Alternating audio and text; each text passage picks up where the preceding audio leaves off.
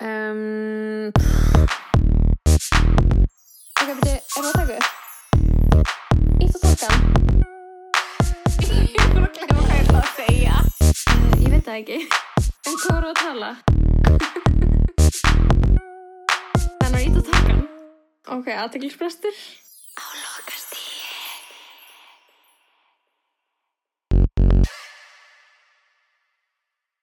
Hæ! Oh my god Hvað segir þið? Gott en þú? Ég segi mjög gott, þetta er búið að vera góða morgun sko.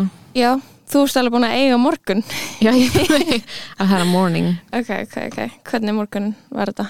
Ég fór í eitthvað svona kaffi upp í fyrirhundi vinnustæði minn gerðarsafn Mm. að því er að hætta þar og bara segja bæði við gæluna sem ég vann með þar sem Ok. er að það æði Hvaðið stund?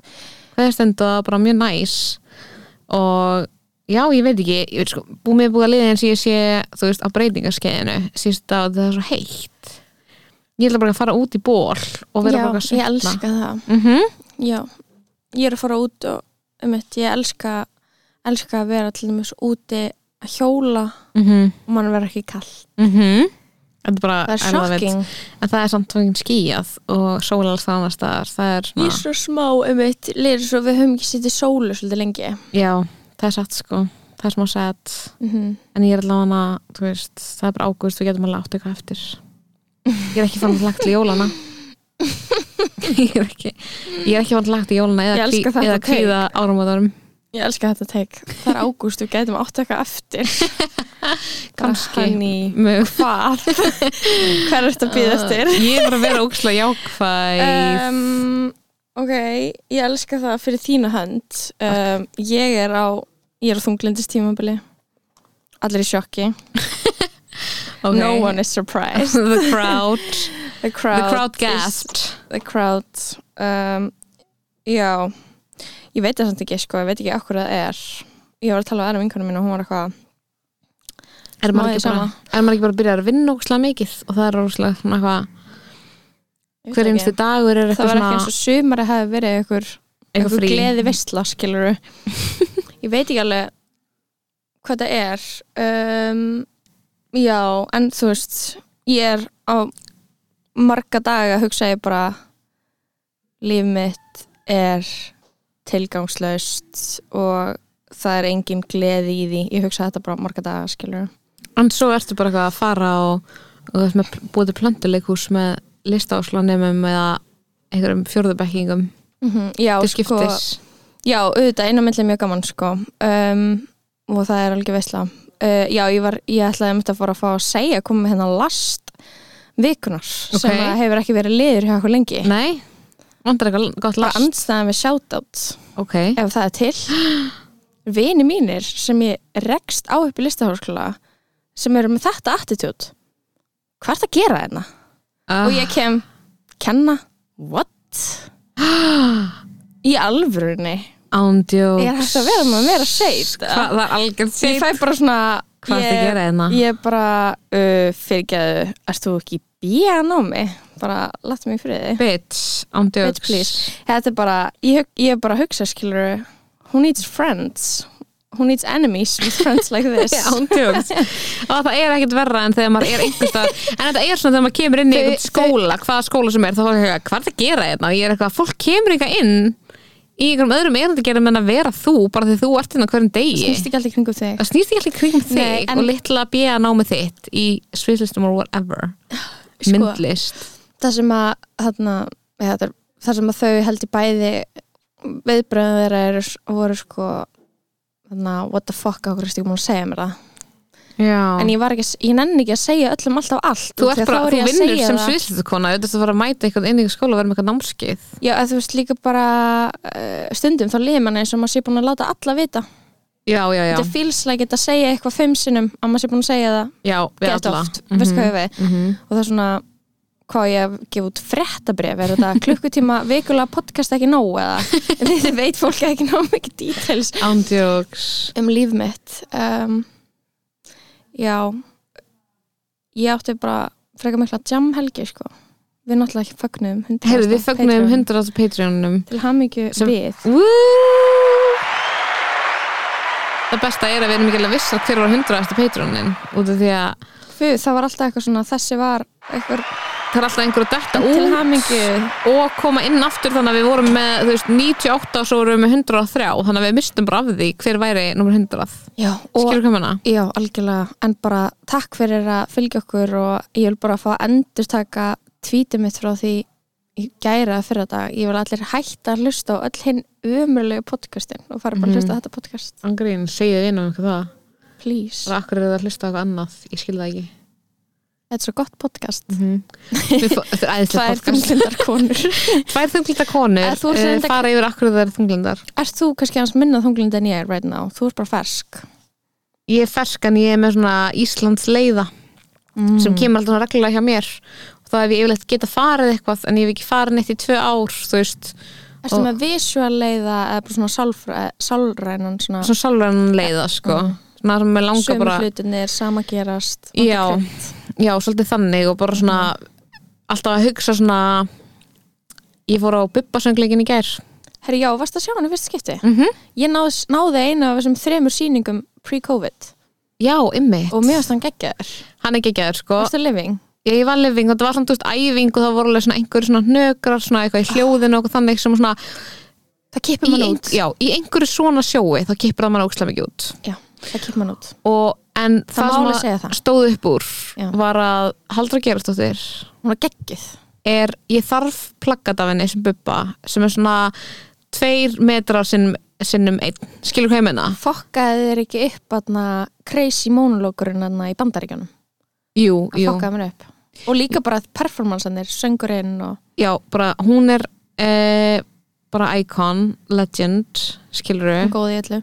hún er góð í öllu hún hoppar hæð sína ofan í einhvern pappakassa hún er 54 skilur hún er bara Og ekki deginum eldri. er, hún er að gefa, sorry bara, þetta er ekki last á hina skilur þarna er ungt fólk skilur sem er að gera þriðunga því sem hún er að gera.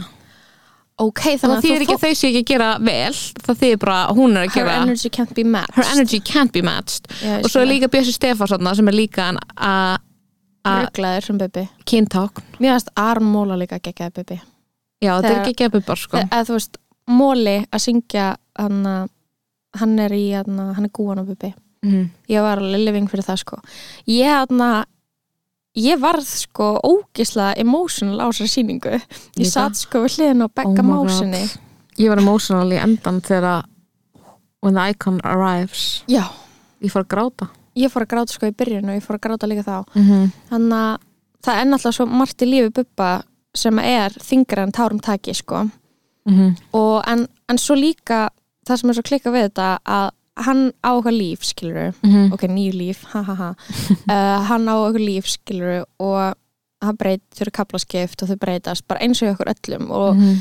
þú veist, ég veit að það er eitthvað svona já, að, að Bubbi er eitthvað svona þjóðarpúlsin eða þú veist, hann, við, ef við veitum hvað við stöndum sem þjóð, þá getum við hort á það er eitthvað svona pælingin sem er Það- presentið það er pælingin í sýningunni, svona Mhm. kjarni sýningarinnar en mér veist annað í þessu út af því að ég var, hana, ég var í öllum þessum mannlegu tilfinningum sko, þetta sýning er í rauninni þú veist, fer miklu meira inn á hana, þetta mannlega heldur en sko pólitíkina, hún fer auðvitað en hún kannski hún hreyfir alveg við manni en það er svona þú veist, það er samkendin skilur Mhm. sem að maður fer inn í Mhm. að horfa á sýninguna já, með Bubba og bara svona hans uh, uppvakstar ár og erfilegana sem hann mætir og ég bara eitthvað fór að gráta í byrjun, þetta var, ó, þetta var alveg sem að fyndi út af því að ég átt, við fengum bóðsmiða og var búin að taka við til Bubba og svona vera að hæpsa sýningu Mhm. og var bóðið og þarna og ég bjóst ekki og ég var eitthvað svona, hm, hver er maður að bjóða og Jói er eitthvað, að takk bara að bekka með. Og við sitjum eitthvað að tvö.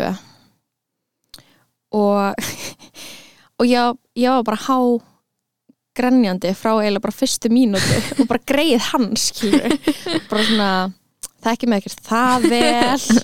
Bara situr alltaf í hliðinu á einhverju hysterískri konu. Uh. en já, byrju hvað verið að tala um með tilfinningarnar? Um, að þú veist, við eig, allir eiga líf sem er það, það eru áföll í lífi allra, skilur Mhm.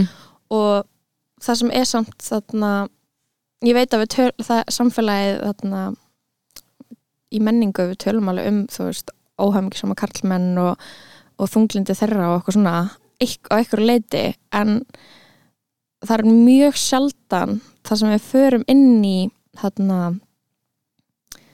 þú veist hlutina sem að brjóta þá Mhm. skilur og, þarna, og aðstæðunar og bara svona Og harðræði sem þeir eru beittir sem Já. er öðruvísi heldur en harðræði sem konur eru beittar út af Mhm. þegar við gefum ok okkur sjálfum okkur aðeins meira rými til þess að vera sárar og, þarna, og Mhm. expressa sárindin okkar og vera, hafa tilfinningar en það er eitthvað neginn svona það er eitthvað svo vant að sjá eitthvað vera sáran og eina leiðin sem að þú veist, það brýst fram mér í ykkur svona reyði og Mhm. ykkur svona svona gegja toxic hegðun Já, svona að halda áfram eitthvað svona ofbeldis cycle, skilur við og maður er eitthvað svona og, og já, að sjá eitthvað sem er svona á jafn háum stalli í samfélaginu vera tekin í sundur svona eins og laukur, skilur við the layers. Og líka bara það segir okkur eitthvað svo mikið máli er að þú veist það væri erfitt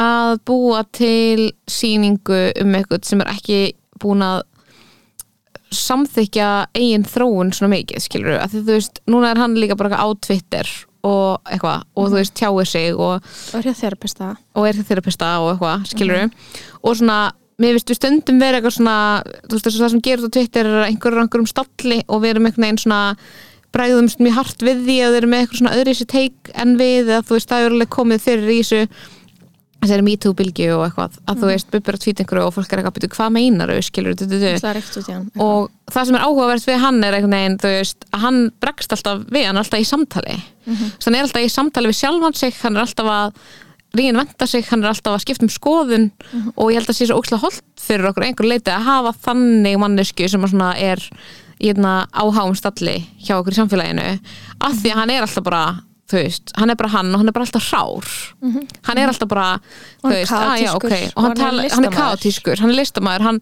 hann talar sér gegnum hann gerir, hann gerir slæma hluti, hann ge- gerir góða hluti skilur, Mhm. hann gerir góða og slæma list skilur, og er bara einhvern veginn alltaf, þú veist, svo ógeðslega authentically rár hann, skilur Mhm. hann er bara svona, það er líka svo geðið mikið að held ég að þú veist, að búa ekki til einhverja e, svona einhliða mynda á honum skilur Já, bara hann bara eitthvað kall og bara þetta, skilur hann er, það er ekki hann ekki, skilur hann er bara, þú veist, ógeðslega margla manneskja og það er líka ógeðslega áhugavert að skoða hann út frá svona hvað er að vera Íslendingur sem er af þessari kynnslóð bara svona bara eitthvað, þú barn inn og það það er bara kynsla fóreldrar svona Já, veist, bara kynslu fóreldrarna sem er bara eitthvað, þú veist, ólst upp í einhverjum blokkum og það eru bara allir pappar alkoholistar, skilur Mhm. og það eru bara allar mömmur eitthvað að reyna að díla við það og það eru bara, þú veist, skólakerfið er bara umulegt, skilur að þú passar ekki fullkom leini að þú Mhm. og þjóð við vorum á þeim tíma, skilur já, og svona gefa okkur eitthvað smá mildi líka, þú veist, útfræði já, ummitt, ég fór svona hann er náttúrulega úr sama hverfi og pabbi minn Já. bara blokk fyrir og vonum Já, Mhm. og, tve, og bara og mamma mín var hérna í körnu við hliðina á og maður heyrt svo mikið að sögum skilur bara eitthvað og börn svona fengi að vera börn og svo Mhm. eru þau bara að vera fullorðin skilur Já. og bara eitthvað svona allir heyrt eitthvað svona já, eitthvað og því að ég held að við séum svona fyrsta kynnslóðin sem er svona virkilega svona vafinn bómull mm -hmm. því að ég held að ég ekki alveg að sama við um til dæmis eldri sískinni mín sem eru fætt 79, 80 Mhm. 80 eitthvað 85, svo ég bara segja aldurinn sem sýsti mínu fætt þú veist, það var alveg þú veist um, já, þau fengi alveg voru smá inn í þessum heimi líka en við erum Mhm. svona kynslan sem er bara skuttlað allar æfingar og, þarna, og allir fóreldrarnir mæta á allar fóreldrafundi og, og, Og taka svona- þátt í skólanum og það er bara að eiga samtal um þú veist, what's happening in the school og bara, þú veist eldri sískinni mín, það var á tímum þar sem það voru uh, gett mikið að slagsmálum í hverfunum og Mhm. þú veist, og þau voru og krakkar, krakkar voru kannski bara eitthvað ok, ég veit ekkert fullkomlega hvernig það var hjá öllum, öllum ég bara svona byggið þetta á bara svona einhverju, tilfinningu mm -hmm. og bara svona maður heyrt eitthvað þú veist, fara fóröldi sinum bara eitthvað, já, maður, þú veist, bara löppuðu allt, Mm -hmm. skilur bara svona eitthvað, voru bara gett sjálfstæð Mm -hmm. og já, það er svona, þú veist, þegar maður fer inn í bara svona eitthvað fyrstu senuna í bubbasöngleiknum maður er í ykkur skólastofu og kennarinn er að vera óbildsmaður, þú veist, andleir óbildsmaður og þarna, það var eiginlega ekkert verið að þetta var bara the way to go eða skilur Mhm. var ekki ekki verið var spurningamarki kannski- við það hann var kannski bara strángur Mhm. á þessum mælikvara og, þó, og þú veist, og við eitthvað svona það var bara einn sem var í bóði skilur já, og maður þekkir alveg eitthvað svona fólk af þessari kynnslóð, þú veist, svona Mhm. eldri en fóreldramanns og bara einhvern veginn svona, ég var beittur hörku ég beiti þið hörku Mhm. bara svona ekki byrja að endur skoða það já, en já, það er eitthvað svona virkilega fallegt við að taka hann Karlmann og það er bara farið inn í hans uh, tráma Mhm. úr æsku uh, sem er eitthvað algjörst tabú út af því að Mhm. það þarna að fer svo algjörlega og rústar þessari hugmynd um Karlmannin, skilur við já það að vera beittur kynferðsóbildi og, og það þú veist. væri eiginlega bara hægt með hann skilur að því að hann er komin á þann stað að þú getur hann skilur er það ógeðslega hugur okkur að leifa um að segja þess að sögu það svo langt frá því að vera sjálfsagt. Algjörlega. hann felur um þetta verkefni og hann líka talaði mjög mikið um það skilur þegar við tókum viðtal við hann. Hann var bara eitthvað ég er bara, þú veist ég er bara fer og horfi Mhm. og ég er bara reyna að sleppa tökunum. Það er bara gett opið með það bara út í að auðvitað mynd, ef maður var, það var eitthvað að setja upp sýningu um hann maður myndi bara byrja að vera eitthvað nei, nei, nei, ekki gera þetta. Já, þetta ekki. Og bara út af því að mála upp eitthvað mynda á honum sem er eitthvað svona auðvitað er hún ekki 100% sönn þetta er einhver hún bara dramatíseruð mynd af einhverju ógeðslega stóru Það lífi. það var að taka brot það var að taka eitthvað brot og búa til eitthvað svona montas og þú veist, hann eitthvað uh, leifir þeim það og þarna, já, mér finnst þetta bara að vera stórkvæslega sýning. Og, og það er líka bara svolítið gaman að þetta sé söngleikur, Mhm. út af því að þú svona gleðir í líf inn á milli, skilur, þetta er ekki drama, drama, drama Einmitt. sem er alltaf svolítið næs Já, sko. þetta er líka bara mega sjó mm -hmm. þetta er mjög áhugavert sko, Já. skemmt að sé að þú veist, ná að sína þetta aftur sko, en ég skil samt líka að hafi gemt á þetta núna með að koma 200 manns skilur og ég skildi já, ég skildi að bara varst erfitt að vera með grímu já. að því mér langaði líka að vera að gefa þess að fyndið, ok, þeim bara tónleikum að því ég upplýði ofta þetta að vera tónleikar ég upplýði það sérstaklega í svona senum hjá Bjössa Stefán sem er náttúrulega, kemur úr hljómsveitar bakgrunni í rauninni Mhm. og Dóri Gerra sem gerir það í rauninni líka einhver leiti, svona samhliða leiklastaferli mér langaði að vera að gefa, að því er á tónleikum rocktónleikum þá er maður einhvern veginn svo mikið hluti af performansinum að maður langar að vera að gefa af sér svo mikið og maður getur og gera það með andlutinu skilur að ég var svo oft bara að mér langaði þú veist, í endan þá hérna, var ég bara eitthvað svona þegar bara bubbi kemur skilur þá er maður bara eitthvað þá var ég bara eitthvað tók niður grímuna því að bara mér langar að vera að gefa af mér reaction. reaction við þessu og einhvern veginn að því það er svo ógíslega erfitt að þessum maður veist, ég upplæði að vera með uppistand þessum allir er með grímur og maður bara eitthvað maður langar að vera tengjast, Já, og það er ekki, augsvipurinn er ekki nóg.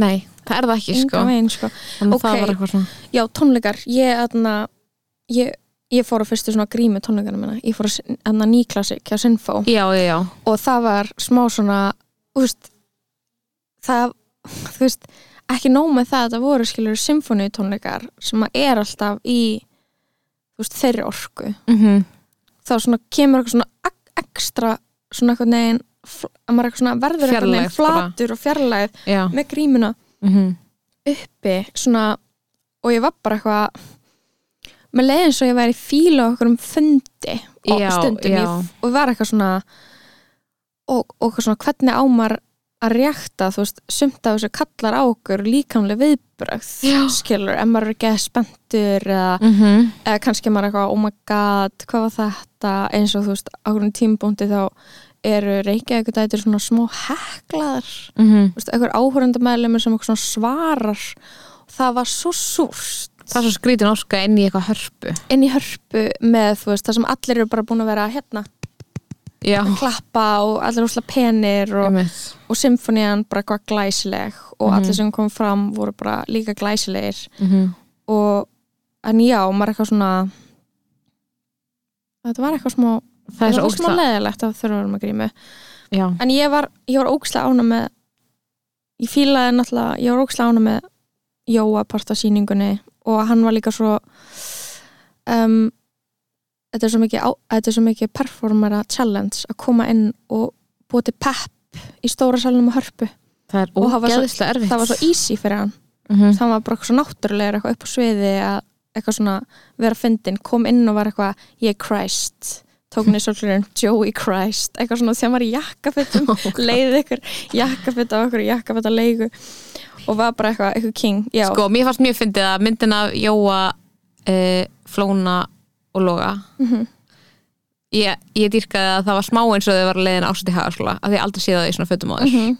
ég var smá eitthvað, þetta, þetta er giving me the vibes eða svona unglingar og þeir eitthvað viljum bara jakkaföt eins og Mhm. eitthvað svona for this special occasion Mhm. mjög dúlulegt sko já, þetta var ógislega næs fór þarna og já, og, og það var alveg það var smá svona veist, þetta var alveg, hafði alveg mismikil áhrif á mann Já, já, já, Og líka og líka bara- þetta er ólík veist, þetta er ekki beint artistar sem þetta er eitthvað nýklassík, en þetta er ekki endla artistar sem væru á sömu tónleikum. Nei, nei, nei, og líka þú veist, maður er eitthvað svona sum lögin hafði maður ekki heyrt einu svona í sinni Já, já, En- eins og þú veist, ég elskaði að hlusta á Dúfa mín og 100p Mhm. og þarna Lions Unsteins og það er líka lög sem ég er bara alltaf að hlusta á Já, og er alveg svona í uppáldi Mhm. þannig að þá er maður eitthvað svona ú, eitthvað svona, Já. finnst það gett mikið stemming og já, en líka bara við vorum að veltaði fyrir okkur skiluru, bara með sinfóníu tónleika, þú veist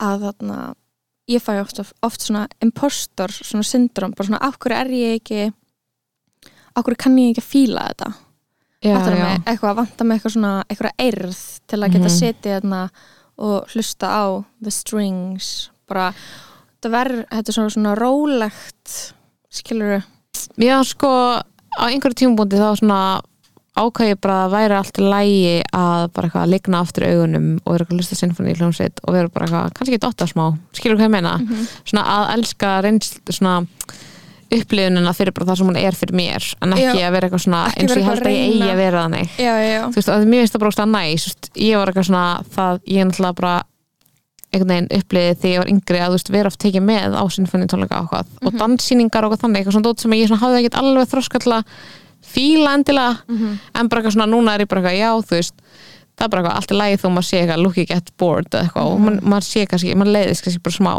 og mér finnst það samt bara eitthvað þú veist, óslega næs, ég held að það sé bara Mhm. allt í góðu, skilur mm -hmm. að maður bara svona sleppi tökurum að hvernig maður á að vera Mhm. en þú veist, allt þetta svona já, það var að gefa mér svona smá að því ég er með smá svona leiða bara því að ég bara einhvern veginn eitthvað að vera á eitthvað Íslandi og vera gett svona eitthvað mikla rútínu í gangi, mjög mikla bara svona uh, mikið svo skipulaga og mörgum ólíkum verkefnum já. og vera Oh eitthvað God, svona að horfa buppa og vera eitthvað svona að það er svo skýrt fyrir þér. Æ, auðvitað var það ekkert allt skýrt fyrir þetta er erfitt líf og eitthvað. En ég var eitthvað svona að þú þú veist ert bara að gera hlutin sem að þú átt að vera að gera. Eða skilur þú veist hvað veginn, hvernig veit maður það að maður sé að að því? Já, já, um mm mér finnst það oft svona að gefa mér svona, þetta gefa manni svona þegar maður, fyrir, maður horfir á einhver episka bíómynd um eitthvað, Mhm. eitthvað sem var gett mikið legend og maður er eitthvað, akkur er ég ekki living my full life, maður er alveg að því skilur Mhm. en fattur tilfinninguna maður er eitthvað, vá, þú veist að bara eitthvað hafa, en þú veist auðvitað eru allir bara eitthvað í ruglunu og enginn hefur verið meiri ruglunu en bubbi skilur Einmitt, já, já, já, og allir efast og eitthvað, en ég Já. er bara eitthvað sko, uh, ég er búin að vera í sjálfsmynda krísu smá um, mér langar ekki að reflekta á aðna, gel, eina gellu í White Lotus. Mm -hmm. og til að við, við, þú horfir á tvo þetta White ég, er Lotus. þetta, ég það mjög mikið. Já. ég er mjög spennt að halda áfram. Nýju þættir á HBO eftir Mike White og það var ógæslega fyndi ég ákvað að vera eitthvað gett vel undirbúin og var bara að lesa the uh, critique á þessa þætti. Mm -hmm. ég bæði og ég vakti til fjögur í nótt og út af því að þú veist ég var bara eitthvað mér langaði svo að vita hvernig það myndi enda út af því að ég var líka búin að sjá að fólk var disappointed með endin. Já, og ég vildi vita skilur hvort ég Mhm. væri sammálaði út af því að mig grunaði svona ég var eitthvað, nei ég, er ekki, ég, ég var bara, mig grunaði svo stert ég myndi ekki vera sammálaði en. I had to know for myself. En ég ætla ekki að spoila endinu fyrir þig en maður langar svona að tala smá um hann. En þessi gaur sem skrifaði þess að þetta það er svona smá inspo. Hann er, veist, hann er fættur 70 hann er búin að gera eitthvað svona dót. Það var óslega fyndið hefur að lesa að ég inn á einhverju einhverju einhverjum fréttameðli, eitthvað svona hver hann er. Þetta er gaur sem er, þessi Mike White þetta er gaur sem hefur verið í einhvern grínmyndum Mhm. og hann gerði School of maður þekkir andlið á honum. Já, ger, hann gerði School of Rock Mhm. og gerði emoji movie. Og ég var ekki svona hugsa um þennan karýr eitthvað svona, gera eina ógisla skemmtilega mynd. Já, gera síðan emoji movie sem að veist, ég var ekkert með eitthvað geðið táum stall, ég hef ekki sinni I, was- I don't know, ég hef ekki séð hana kannski það er bara að horfa á emoji movie til að sjá hvað hann er snild. Og svo gera hann þú veist nokkra þetta Freaks and Geeks og hvað og mér finnst bara svona mér finnst maður svona gaman að líka vita skilur að þarna, það besta sem þú gerir er ekkert þegar þú ert 23 ára. Það nákvæmlega er þegar þú ert að vera 50 já, nákvæmlega. Það er bara, þú, það er bara Auðvitað, og- þroskinn og skilur bara og við bara erum að fara að lifa svo lengi að við getum átt svona fimm mismöndi careers mm skilur við þannig að ég vakti til fjör að horfa á, á endin og en þannig talandi um þarna bara sjálfsmyndakrísunum mína það er svona ein, þetta er basically þetta er svona hótel skilur á, þarna, á Hawaii það sem er bara eitthvað svona no, það er aðalega að vera að fylgjast með einhverjum þú veist, þremur hópum af gestum og svo þarna uh, Hótels- staff, staff members fólki já, sem, að er að vinnur á hótelinu og mér er svo margt verið í þessum þætti og mér er líka svona líða áfram meira eins og stemming. Og mm -hmm. það mhm. er svo mikið svona eins og tónlistin. Mm -hmm. hún fokka mér smá upp. Ég stundur bara svona hvað getur þú cool it with mm -hmm. the Hawaiian music? Það já, er bara dun, dun, dun, og það og fylgta skotum af sjónum. Og myndið mér svona smá á aðra góða þætti eins og hérna oh my god, hvað er þetta þáttunum þar sem Nicole Kidman var alltaf bara að lappa The Undoing. The Undoing. Og hérna og hérna Big Little Lies það standa alltaf á svölunum og eru að horfa á sjóin Mhm. og eitthvað svona, svona dramaskot. Og þú veist, ég er alveg smá þannig þegar ég horfa á svona hæga þætti ég er alveg í símaleg á meðan þangla það Já. kemur acting. Já, já. Til þess að þú veist og því annars líður þetta alltaf hægt fyrir mig. Mhm. en hann að gellan, það er gella í honeymoon og hún er að giftast eitthvað mikið, mikið ríkari gaur. Og hún aðna, er með eitthvað svona frekar sökkaðan feril sem eitthvað Mhm. journalist og hún er svona í honum þó það gangi ekki það vel og hún er eitthvað í einhverjum, einhverjum efasöndum fyrir að hugsa hún fær eitthvað komment frá einn, einum hótelgesti þú veist, sem er mamma grein sem hún hafi Já, að vera umlega já, væri bara lélu blaðamaður og ég var svo mikið að tengja við bara eitthvað að vera með eitthvað svona karýr sem er er eitthvað neginn allt og ekki neitt skilur bara Mhm. eitthvað, maður getur hætt öllu grændinu sínu maður ekki skipta henni máli. Og maður er bara eitthvað að gera þetta for what skilur og maður er eitthvað Mhm. að geta grænda og segja já við öllu. Þú veist ég er í svona átján verkefnum, ég Mhm. basically á mér ekki frítíma skilur, ég Já, ætti að vera að vinna núna meðan við erum að taka þetta upp. Og þú veist, hver einasta mínút á deginu mínum er sem í frátökin fyrir eitthvað vinnutengt. Mhm. og, og ég var bara eitthvað þú veist, það þarf að vera svo ógeðslega hérna þú veist að vera svo fucking vissum að þú sérst að gera eitthvað eðislegt til þess að beila ekki á þessum tímapunkti Mhm. áður en þú komið með þú veist, góðu giggin og þú veist, getur valið og hafnað og sett nei við eitthvað sem að hljómar ekki nógu vel Mhm. hún var bara eitthvað on her honeymoon að fá eitthvað að fá að skrifa, beðnum að skrifa eitthvað grein um eitthvað YouTube-vídeó og maður er bara eitthvað uh, og já, eins eitthvað hræðileg típa og þessi gælla er, þessi karakter Mhm. og hvað hún, þau eru eitthvað hjónana og hann hann er sræðilega Já, sko. hún er skilur, hann er hræðilegur en hún er líka hræðileg. Að einhverju leiti, maður er bara hvert, hvað er að þér? Mhm. og þú veist um, þeirra saga þú veist, það er, þú varst að senda þú sendir eitthvað á mig bara, það er allt að á þessu hóteli, það er bara eitthvað að öllum anna og það er bara alltaf eitthvað hræðilegt að gerast. Já, eða bara svona lítil hræðileg, bara svona Já, mannleg samskipta hlutir, hlutir, það sem er bara uh, bara svona eins og öll fjölskyldan anna hana rík, með ríku mömmunni sem að er fórstjóri eitthvað tæknifyrirtækis. Mhm. Samskiptin millir hennar og woke dóttur sinnar og það sem ég svo eiginmaðurinn hennar sem er eitthvað svona í lífskrísu líka Mhm. og bara eitthvað uh, bara, þú veist, ég elskaði touchið, eitt sem ég elskaði að vera svo þætti Va, voru öll samtalin hjá, samtalin hjá þessari hvítu ríku fjölskyldu með Mhm. eina dóttur sem eitthvað svona les, les fræði já, og er eitthvað svona algjör bara svona woke og get cynical og bara hatar allt. Okkar kynslu bara- bara döðans já og bara þau tvö og bara svona maður er bara eitthvað vá, bara ég held með hvoru ykkar. Já, þau bara svona segja ömulega hluti stöðugt, bara svona rétt svo ömulega, skilur, Mhm. bara svona almost að ná að fatta hvað er að. Og þau eru öll svo ógeisla privileged og já þeir eru, svo aftengt og aftengt hvort öðru og það er einhvern veginn aldrei get ekki hlusta okkur annað og þau eru líka svo leiðileg við hvort annað. Mm allir hann eru bara svo fucking leiðileg við hvort annan. -hmm. þetta er ógislega ríl svona samtöl sem að líka eru veist, í þessum þætti og það er ógislega margt svona sem maður er bara eitthvað svo Jennifer Coolidge hún icon. er stjarnar þáttuna hún er svo mikið stjarnar hún hún og ég var eitthvað svona vá, mér fannst þetta svo ógislega spot on karakter, bara svona einhver kona sem er bara eitthvað fórnalamb er algjört fórnalamb og er bara eitthvað gett rík einhver, og eitthvað búin að missa mömmu sína og er bara í einhverju svona áfalli. vonda mömmu. Já þau vonda mömmu sem hún samt einhvern veginn í áfalli og losta því hún er dáin og hún er bara eitthvað makes veist, er her problems meika- everybody's problems. Já, er bara, hún er líka bara að reyna að tengjast einhverjum en getur það ekki. Hún er bara að tengjast einhverjum í kringum sig Mhm. og bara ræður einhvern veginn ekkert við það og er eitthvað, og ég var bara eitthvað svona smá að finnast hún svo, þú veist, ógíslega raun, raunverulegu karakter. Að hún væri svona íkt, að því að bara eitthvað vá, þú veist, hún er eitthvað að reyna að fá alltaf fólk inn í hennar mission að dreifa ösku móður sinnar og er eitthvað, "Vá, ég skil svo vel að þess að reyna því það er engin annar með þér og þú veist að reyna að gera þetta að einhverju mómenti og það er ekki að virka út af því að þú á átt engan. og þú veist, einu sem þú getur gert er ef þú værir einhver svona, ef þú værir andlega heilbrið sem engin er, þá værir Mhm. bara eitthvað ég ætla að fara á þetta moment fyrir mig og mömmu, eitthvað svona og ég ætla að sleppa tökunum, hún er bara ekki með nein verkfæri til að díla við neitt. Mhm. hann hún er bara eitthvað að fríka út allan tíman og ég með þessi vók unglingar að vera eitthvað svo vel leikið. Að þetta er geði ekki þættir sko. ég er smá bara svona ég, bara, ég tók tvo í gær. Já. og ég var smá eitthvað ég geti með vakið fram nótt að horta á það en ég var líka bara eitthvað ég veit að þetta eru bara eitthvað sex þættir. Já nokkulega, maður vill alveg spara. Já ég var eitthvað, ég ætla bara að horfa á þú veist, einn dag og það er náttúrulega bara það er er það er alveg langir sko. Já.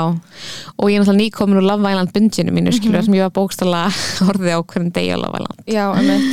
En ég sko, þarna ég tók upp þarna uppáhaldssetninguna mína hjá þarna karakterinn hennar heitir hvað heitir hann aftur? hún heitir eitthvað svona Tanya karakterinn hennar Jennifer Coolidge. Já, já, ég tók upp, má ég spila fyrir þig bara mest relatable setningu úr television ever já. tilbúin think you might be getting ahead of yourself a little, you know? Maybe he likes you. Yeah, he likes the first layer. Maybe. I don't know. You know, but what about the second layer and the third layer? And then every step along the way, you know, I have to worry about, you know, is he going to like the next layer? You know, and then I get all afraid, like, you know, how much do I want to show him? You know, is he going to be repulsed or is he going to be alarmed? And at the core of the onion, Belinda, is just a straight up alcoholic lunatic. mér finnst my svo God. gott þetta er geðveikt ég var bara eitthvað, vá, það tengi allar konur. Alla konur og líka Jennifer Coolidge án gríns, ég var bara þú ert, ég hugsaði bara þetta er byrjunin, þetta er byrjunin hjá Jennifer Coolidge, skilur hvað ég menna það var er óþægilegt að kom- horfa á þetta hún líka svo vel. Já, hún er komin á okkur svona aldur þar sem ég held að hún getur fengið bara öll bestu hlutverkin. Skilur hvað ég menna, ég hugsaði bara þú ert núna bara búin að vera að leika skilur og hún er ekki búin að vera endilega og ég er búin að vera klán og núna er hún bara komin á okkur staða sem ég held að hún getur bara take off. Hún getur bara, það, það er bara það er bara flugtak Mhm. hjá Jennifer Coolidge sko, og þessi rödd. Má ég lesa, nei, má ég spila hit sem ég var bara, vá, this is me. I'm a very needy person, and I am deeply, deeply insecure. ég var bara, já ég var að fá svo gott það var, það, ég var að fá svo gott svona um, ég var bara þetta er svo ógeðslega vel skrifið hjá honum samtölun voru svo góð, þessar ungu stelpur voru svo mikið þarna on point, skilur það er svo auðvelt að fara og vera miðaldra og skrifa þátt, það er svo náttúrulega að sína ungu kynnslóðana og ekki do it justice, skilur og ég var bara eitthvað ég var bara eitthvað, mm, vá, þetta er bara gett satt allt, skilur, Já. og þetta er bara gett on point, skilur, referensar Mhm. og, þarna, og líka bara einhvern veginn hvern karakterarnir ég var bara eitthvað eins og þú veist, þær að vera í krísu. Ég var bara eitthvað, þessi krísa er svo ríl og við, e- við erum allar höfum Mhm. allar verið í eitthvað svona krísu bara, er hægt að elska mig, hversu mikið má ég sína af mér, at the core Bara- lunatic bara og, er þetta depressing heteronormatífa kapitalska líf sem ég lifi? Skilur, veist það er svona smá Mhm. dilemman hjá þessari gellu sem er eitthvað er eitthvað journalist, hún er bara eitthvað svona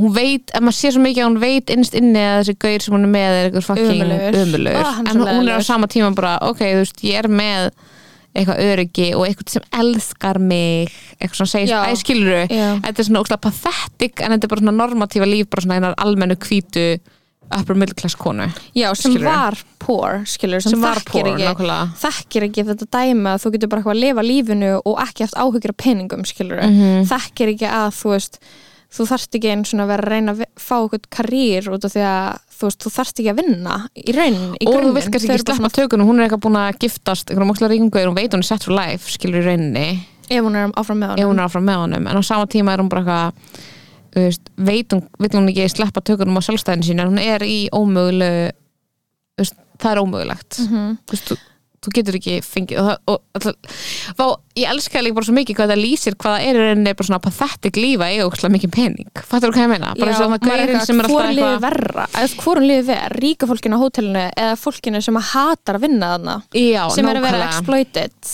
Þarna, þú veist, eins og þarna gaurinn sem er alltaf að kvarta yfir einhver litlu, þú veist, þannig maðurinnar ríkimaðurinn sem er alltaf Ríkimaðurinn. hvert yfir öllu uh, og maður hugsa bara, þetta er svo pathetic líf, að þið finnst þú einhvern veginn eiga allt skilið, að því þú ert að borga fyrir eitthvað, Já. að það svona það kemur svo illa við þig þegar þér finnst þess að þú sért ekki fá allt sem þú borga fyrir og enginn er nýskari en ríkmanneskja skilur þau, bara svona þú ert tilbúin að, þú veist, allt á einhvern veginn að vera eitthvað þú veist, að því þú er komst inn með einhverja peninga þá á einhvern veginn heimurinn að Mhm. lagast af þér en lífið þetta er samt ömurlegt. Ég er bara að hugsa bara hversu ömurlegt tilfinning er það? Mhm. bara lífið þetta er pathetic. Og þú ert ógeðslega mikið peningum. Mhm. og okkur er alltaf verið sagt að bara þegar við hefum ógeðslega mikið peningum þá bara verður allt æði. Og þetta er svo, það var svo áhugavert þú veist um, já ég elskaði bara allt þetta þú veist það var, kom svo mikið svona þetta var svo hrikalegt hún, hún var einhvern veginn að eðilegja hann í múnið þeirra en hann var það samt eða meira bara með því að vera með þráhyggju fyrir því að þú veist vera ekki réttu herbyggi eða vera ekki að fá allt sem hann borgaði fyrir. Mhm. og hún var bara eitthvað þú veist hann já, hann einhvern veginn gæti ekki slaka á og notið þess og hún vildi bara einhvern veginn, var bara sátt með það hefði verið sátt með bara basic hótelherbyggi þú veist, það er svona tilfinningum hans og þú veist, eins og ég er að hugsa skilur eins ömulegur hann er og leðilegu gaur og svona ríkur forréttindagaur þá emmar eitthvað svona, ég fór ógæslega mikið að hugsa bara eitthvað, hvernig er samt sko hennar attitút og hennar óöryggi að, þarna, að gera aðstæðuna með honum líka verri? Að þú veist eitthvað svona um, veist, er ekki eitthvað sem hún geti sagt að geti hún ekki bröðust eitthvað en öðru sér við þannig hún sé ekki að taka þátt í veist, að gera allt, að þetta allt spírali svona mikið. Já, og út af já. því að veist, það er svo auðvelt að horfa á þetta og vera eitthvað henni gaur að vera umlögu gaur og grei kærastan hans er eitthvað fórnalamb og maður er eitthvað svona já en hún er samt einhvern veginn búin að giftast honum og ákveður að vera hana með honum og hún bara eitthvað svona er alltaf að brotna niður og hata allt og vera óslega órug ég, fattar tek- mig. ég það, og ég Og tengi svo mikið við það ástand samt. Já, Fattar svona ég fara frekar í það heldur en að þú veist eitthvað svona ég veit það ekki. Fara bara Það- alveg inn í þetta. Fara bara alveg inn í þetta og bara svona sleppa tökunum á því að vera, að ég veit það ekki. Já, þetta er svona greinilega held ég svona gaur sem að þú veist í staðin fyrir að vera eitthvað svona skammaður fyrir að vera í frekjukast yfir eitthvað myndi bara þurfa svona dæf, að eitthvað myndi bara svona dæversta aðteklinans að eitthvað öðru. Mm Mhm. skilur mig, bara eitthvað svona að ég veit það ekki, og var bara eitthvað að hugsa. Það er bara engin, þú veist, það er engin það er engin svarkvitt mannskja í veist, þetta er bara allir eru með eins og þessi laugar með, þú ætti með að sín mörgu lög Það- ég á eftir að ég in, til að sjá sko. hvernig þið finnst það er út af því að það er svona hræðilegir atbyrður í lokin Mhm. þú veist, og eitthvað svona verður bara svona, maður er bara eitthvað nei, þú veist, maður bara fylgist með eitthvað glötu shit í gerast, skilur og mér fannst það vera góður endir mér fannst bara svona flott að við færum bara inn í bara svona umurðina að bara já, það er þið, þú veist, að myndi, að myndi allt bara klæmaksa í bara svona shitty happenings og Mhm. en það annað sem ég varst líka magnað við þess að þætti var vinasambandi hjá þessum tveimur stelpum sem Já. að einhvern veginn get ekki, þú veist, er einhvern veginn vinkonur en einhvern veginn samt ekki Mhm. svo geðið skrítin orka á milli þeirra Mhm. og ég var eitthvað svona þú veist, og maður, maður var aldrei og maður var svona left in the dark lengi hvað það geti verið og það var ógstlega svona já, maður fer alveg inn í svona uh, eitthvað svona svona vináttur þar sem einhvern veginn enginn er að vera Hreinskilin. góður Eða hreinskilinn og maður samt einhvern veginn eitthvað bestu vinir og mm. -hmm. skrítið og hver er að nota hvern og, og akkur, já, einhvern veginn mjög skrítið, en það var annars storyline sem ég elskaði líka sem var litli úlingstrákurinn Mhm. hann á hann á sín moment sko Mhm. ég, hana, ég elskaði smá hvernig hans, saga, hans sögulaug það verður sér ég að tvö Ok, love. sem ég veit ekki alveg veit ekki alveg hvað ætti að gerast í sériu 2 sko. það var alveg bundið góðan það var alveg, Já, það hnúta the knots were tied Já. Það er svona smá með stundur svona sériur Mhm. þú veist, það sem er eitthvað svona góð sagasögð að Það búið að að leggja ógislega mikla vinni í þessa sögu. já, og maður fer eitthvað að hugsa ok, uh, í sériu 2 þá erum við bara eitthvað að fara að halda áfram eða hverju, skilur Mhm. what's gonna happen, Mm I don't know Já, ég veit það. Mér stundum eins og þetta sé svona, það er að því að það er vinsælt, en þú veist, sagan sem að, hann ætti bara að fá, bara að fá að skrifa nýja sériu já, emitt, bara svona, já, fáið bara þetta fólk til að segja fleiri sögur. Og þú veist, að því að ég get ímyndað að við séu sko mörg ár af vinnu mm á bakvið þessa sögu. Mhm. Að bara, þú veist, að ná að binda rétt að endan og þú bindur einmitt hennan hnút að því þú hugsaðir þetta sé bara ein serja, Mhm. þá er kannski bara betra að lífa þetta, skilur Mhm. ég veit ekki, kemur ljós. að mér finnst allt svo realistic og ég var bara eitthvað ég er svo mikið þjónustu gælan sem er eitthvað servicing rich people það eru bara, það eru bara tveir heima til það er bara svona fólk sem vinnur á hótelinu og fólk sem fer á hótelið Já. og ef þú hefur unna á hótelinu þú veist, þá bara þá mun þér aldrei þá getur, þú getur aldrei orðið að hótelgestinum ef þú vinnur á hótelinu Já, nokkla. þetta er mig Mm -hmm. Nefn- White Lotus, sko. Já, White Lotus á HBO um, I liked it. Og ég er líka óslega spennt fyrir fleira HBO-dóti, Succession og Euphoria er að koma. Ég er svo spennt fyrir að Succession koma Mhm. aftur, sko. Oh my god. og þarna að já. Já, ok. Ég var, já, ég fór síðan að lesa, oh my god, annað. Ég fór síðan að lesa eitthvað svona cut grein, The Cut sem er svona gælu undir svona gælu subkategóri svona, hvað maður að segja? Og það er Vogue og svo Mhm. cut, The Cut er þú veist svona ungu konunnar Mm -hmm. skilur, millennials, zoomers skilur, og eitthvað svona ég fór að lesa ykkur grein um þegar Snorri Másson tvíta eitthvað eitthvað reddit post eitthvað svona can ketamine turn you gay þegar ketamine er alveg svona frekar stór karakter í þessari serju, Mhm. dópi ketamine skilur og ég ákveð bara eitthvað að þarna að lesa eitthvað svona grein á the cut um eitthvað is ketamine svona að hvort það væri dóp okkar kynnslóðar, eitthvað svona psychedelic 60s coke, disco uh, MDMA Já. nein, uh, þú veist E, þarna odds þú veist, MDMA þarna 00 2010, þú veist, þe- þessi áratur mm -hmm. og eitthvað svona, mér fannst þetta svo ógeðslega depressing grein og hræðilegt take og bara svona og ég náttúrulega bara svona get ekki svona um, svona woke eða svona think pieces svona þarna, liberal media dæmi eitthvað svona ó, það er bara svona hvernig hlutin eru orðaðir. Um, maður langar svo að finna þessa grein. Ketamin er alveg mest depressing dope sem að og um. hvernig þetta er lagt upp? Er eitthvað svona já, þetta er einhvað eitthvað what it's like to be on ketamine. Og þetta er eitthvað svona um segir eitthvað svona sög, þessi grein fer eitthvað svona í sögur fólks sem eitthvað svona það er svo það mikið að gera hjá þeim að þau verða að vera á ketamínu til að geta skemmt sér og því að þá geta þau glemt vinnunni. Og svo eitthvað svona hópur eitthvað svona, og svona annar hópur eitthvað svona já, æ, við erum bara svo uppteknar við höfum ekki tími til að vera þunnar og þess vegna tökum við ketamín og ég er bara eitthvað ah. uh, og þetta er allt eitthvað svona um þú veist, að þetta er svo þægilegt og því að þú fær bara í smá og fær bara í vími eitthvað svona smá tíma og jú, þú disassociatar og þarna og verður óslega lús og slakur og gleymur öllum kvíða og svo vaknar það daginn eftir og það er allt í góðu og þú getur bara mætt aftur í vinnuna. Og þetta er eitthvað svona dóp fyrir kynnsluna sem er eiginlega of upptekinn til að dópa og of upptekinn til að skemmta sér.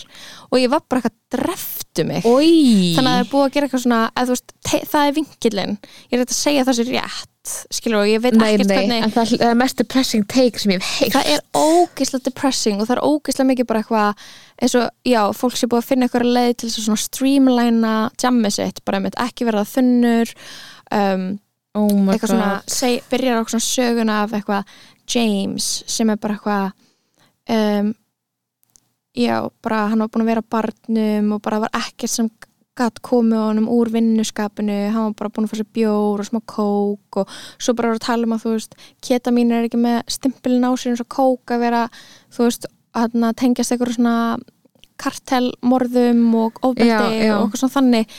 Þannig að þú veist, þetta er eitthvað svona woke people's drug að Oh þú veist, þú, þetta er bara svona ekki unethically sourced.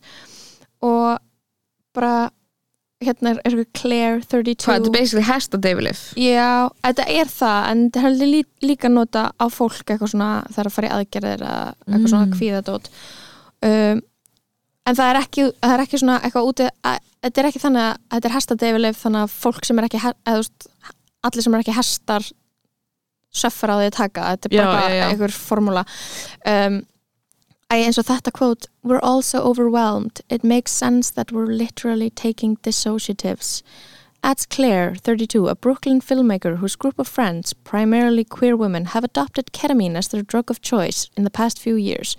We don't have time to be hungover. Everybody is exhausted and pulled in so many different directions. It's the peak of distraction culture.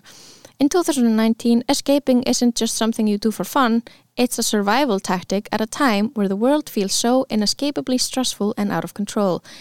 We spend, já, þú veist, um, já, og svo eitthvað svona tala um, þú veist, að við sem bara fá endrast á fréttir, um climate crisis, political chaos og uh, eitthvað svona við búum í eitthvað svona technological dystopia og binja TV á kvöldin sem eitthvað svona róandi lif Meanwhile, it's harder than ever for our minds to take a night off The internet, internet has eroded the boundary between home and work. Even going on vacation provides little respite when you're still trapped in your phone's glowing orbit. Og, og hérna er eitthvað But ketamine puts life on airplane mode. Phones aren't really a thing when you're on K. Paldi, bara ha, taka ketamine svo ég sé ekki Í símanum að svara vinnu e-mailum og þú veist, þetta er bara svona hversu súrt. Oh og ég ha, þetta er svo ógeist að súrt teik og bara örgla er eitthvað af þessu satt en ég er bara eitthvað, ert að segja mér? Ok, hata heimsýnina sem Já, ert að segja mér að það sé svo erfitt að vera manneska í New York að til þess að fá frí þá þurfur að taka ketamín og ég er bara eitthvað, hvernig heimur það skilur Mhm. og, og bara eitthvað, jú, að vissu leiti bara eitthvað, þetta er alveg satt, það er alveg erfitt að vera manneska en þú veist, maður er samt líka að taka allar þessar ákvarðanir fokkin sjálfur að gera lífið sitt svona. Mhm. og líka bara ef lífið þetta er þannig að þú getur ekki verið þunn eitt sunnudag í mánu þegar þú ert skemmtað með vinniðinum bara, what? þá er eitthvað að, en það er einmitt örugglega líka og þetta er örugglega ekki eitt sunda í mánuði heldur allar helgar og það er líka einhver svona pressa að vera alltaf að sósialæsa og vera alltaf að gera eitthvað þannig Mm, að þú ert eitthvað að keta mínu Új, Þetta er hræðilegt. ógeðslega depressing ég veit það þetta er Ugh. bara svona uh, algjör hvað ég segja, bara svona þetta er svo eitthvað svona góðsamt lýsing á hvernig svona okkar kynnslóði er svona presented skilur Mhm. Og hvernig, já, bara svona hvað heimsýn er einhvern veginn hvernig okkur finnst heimurinn vera sem er svona svo cynical og það er svo súrt skilur Já, emmitt, og ég leika bara svona þú veist það er svo mikill vinnu fókus það er svo ógeðslega mikill sem maður hugsa um þetta svo mikið uh, senstu daga líka bara eitthvað að horfa á þáttinn og bara hugsa um einmitt bara svona fólki sem mætir í vinnuna og lætur svífirða sig fyrir eitthvað paycheck eða þá fólki sem mætir í vinnuna og fer aldrei úr vinnunni fyrir, þú veist en þá herri paycheck skilur sem er þarna ríka fólkið. Og maður er eitthvað er það gaman skilur, finnst einhverjum gaman að einu sem hún gerir er að fokkin vinna? Og þú ert ekki vinna að hugsa um vinnuna. Og ég er bara eitthvað verð bara svo depressed við þessa tilöksun um, og líka bara ég verð svo depressed að hlusta á fólk sem hugsa svona að tala sem hefur alltaf bara tekið skynslegar ákvarðanir sem hefur alltaf bara bara búið heimi á fóröldi sinum þanglega til að safna sér fyrir íbúð og þú veist, og eitthvað svona þú veist, fara í þetta nám til þess að geta unni við þetta til þess að fá svona há laun og svo gera þetta tricks til þess að ná safna fyrir innborgun í íbúð og, og svo gera þetta við íbúðuna og svo setja harðparkett en ekki viðarparkett svo að þú getur leift svo getur leikt út íbúðuna og eitthvað leiðindin rúst ekki parkettinu innu svo að íbúðun lækki ekki verði svo, dyr, og ég er alltaf bara eitthvað leðilegar Mm. ákvarðanir og ég verð bara svona eitthvað svona hérna algjörlega og bara eitthvað hvernig veist, mér finnst það svo mikið andstæða við skemmtun að vera að hugsa um hún sé eitthvað svona- Efficient. efficient já, já, en já, ég er bara með hérna, samt loka punta á hana Íslands leiðan og svona dæmi er að ég líka, ég tengi mjög mikið en það er búið að vera smá game changer að fara á nýja staði á Íslandi.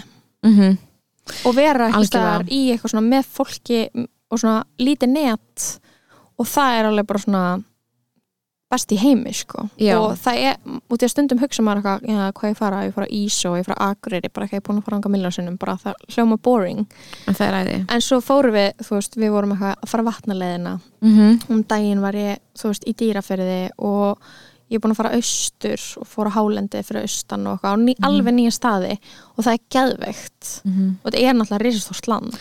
En það er líka einmitt, þetta er ekki þú veist, en það er líka bara eitthvað svona Reykjavík leiði skilur við, svo, ok, sko words of wisdom sem ég fekk frá hérna kunni sem að vaksaði mig á verðið þinn vilji um daginn. Varst það vaksa þig? já, þetta var reyndar, þú veist, þetta var fyrir vestlunum Höguna?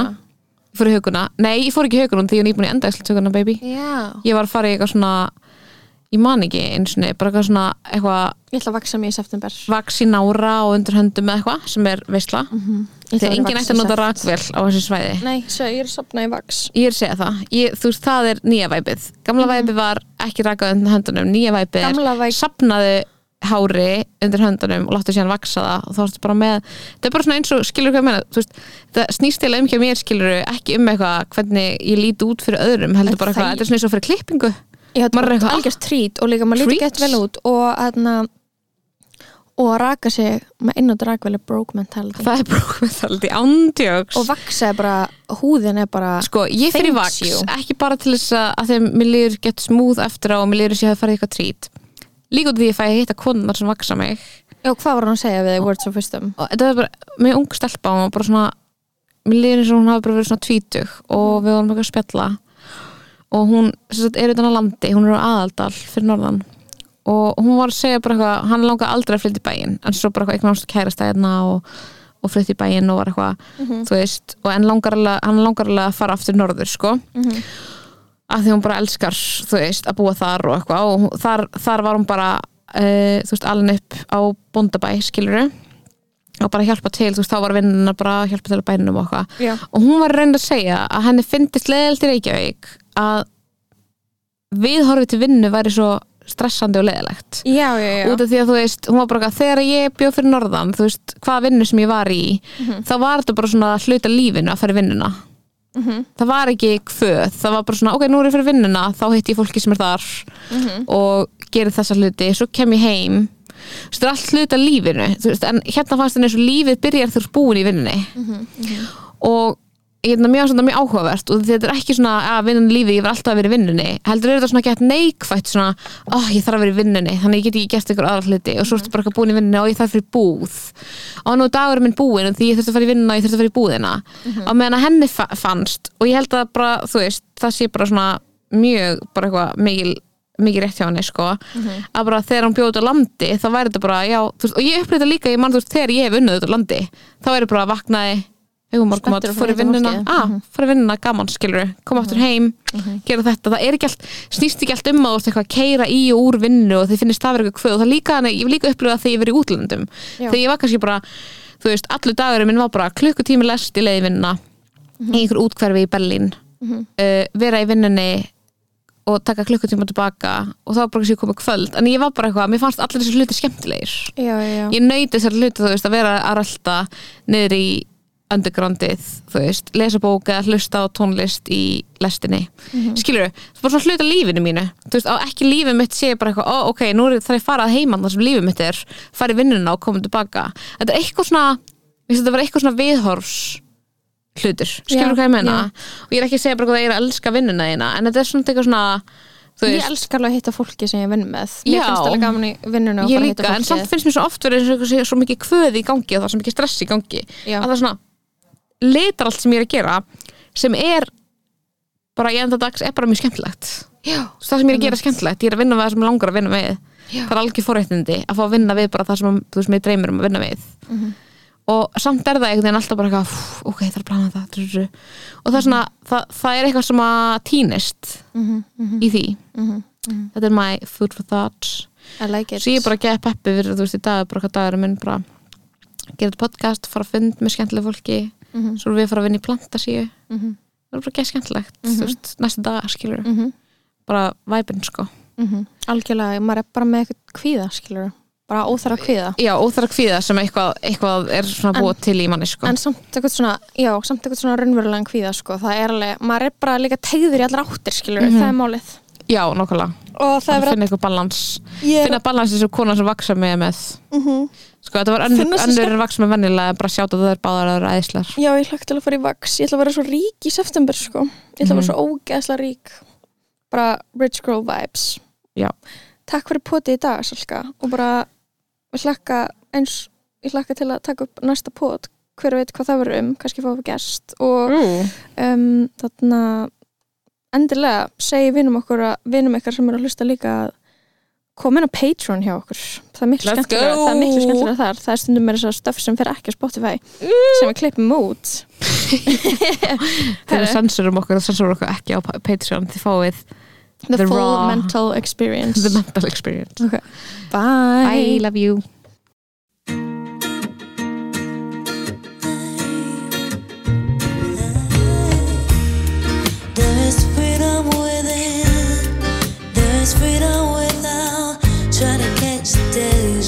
paper cut.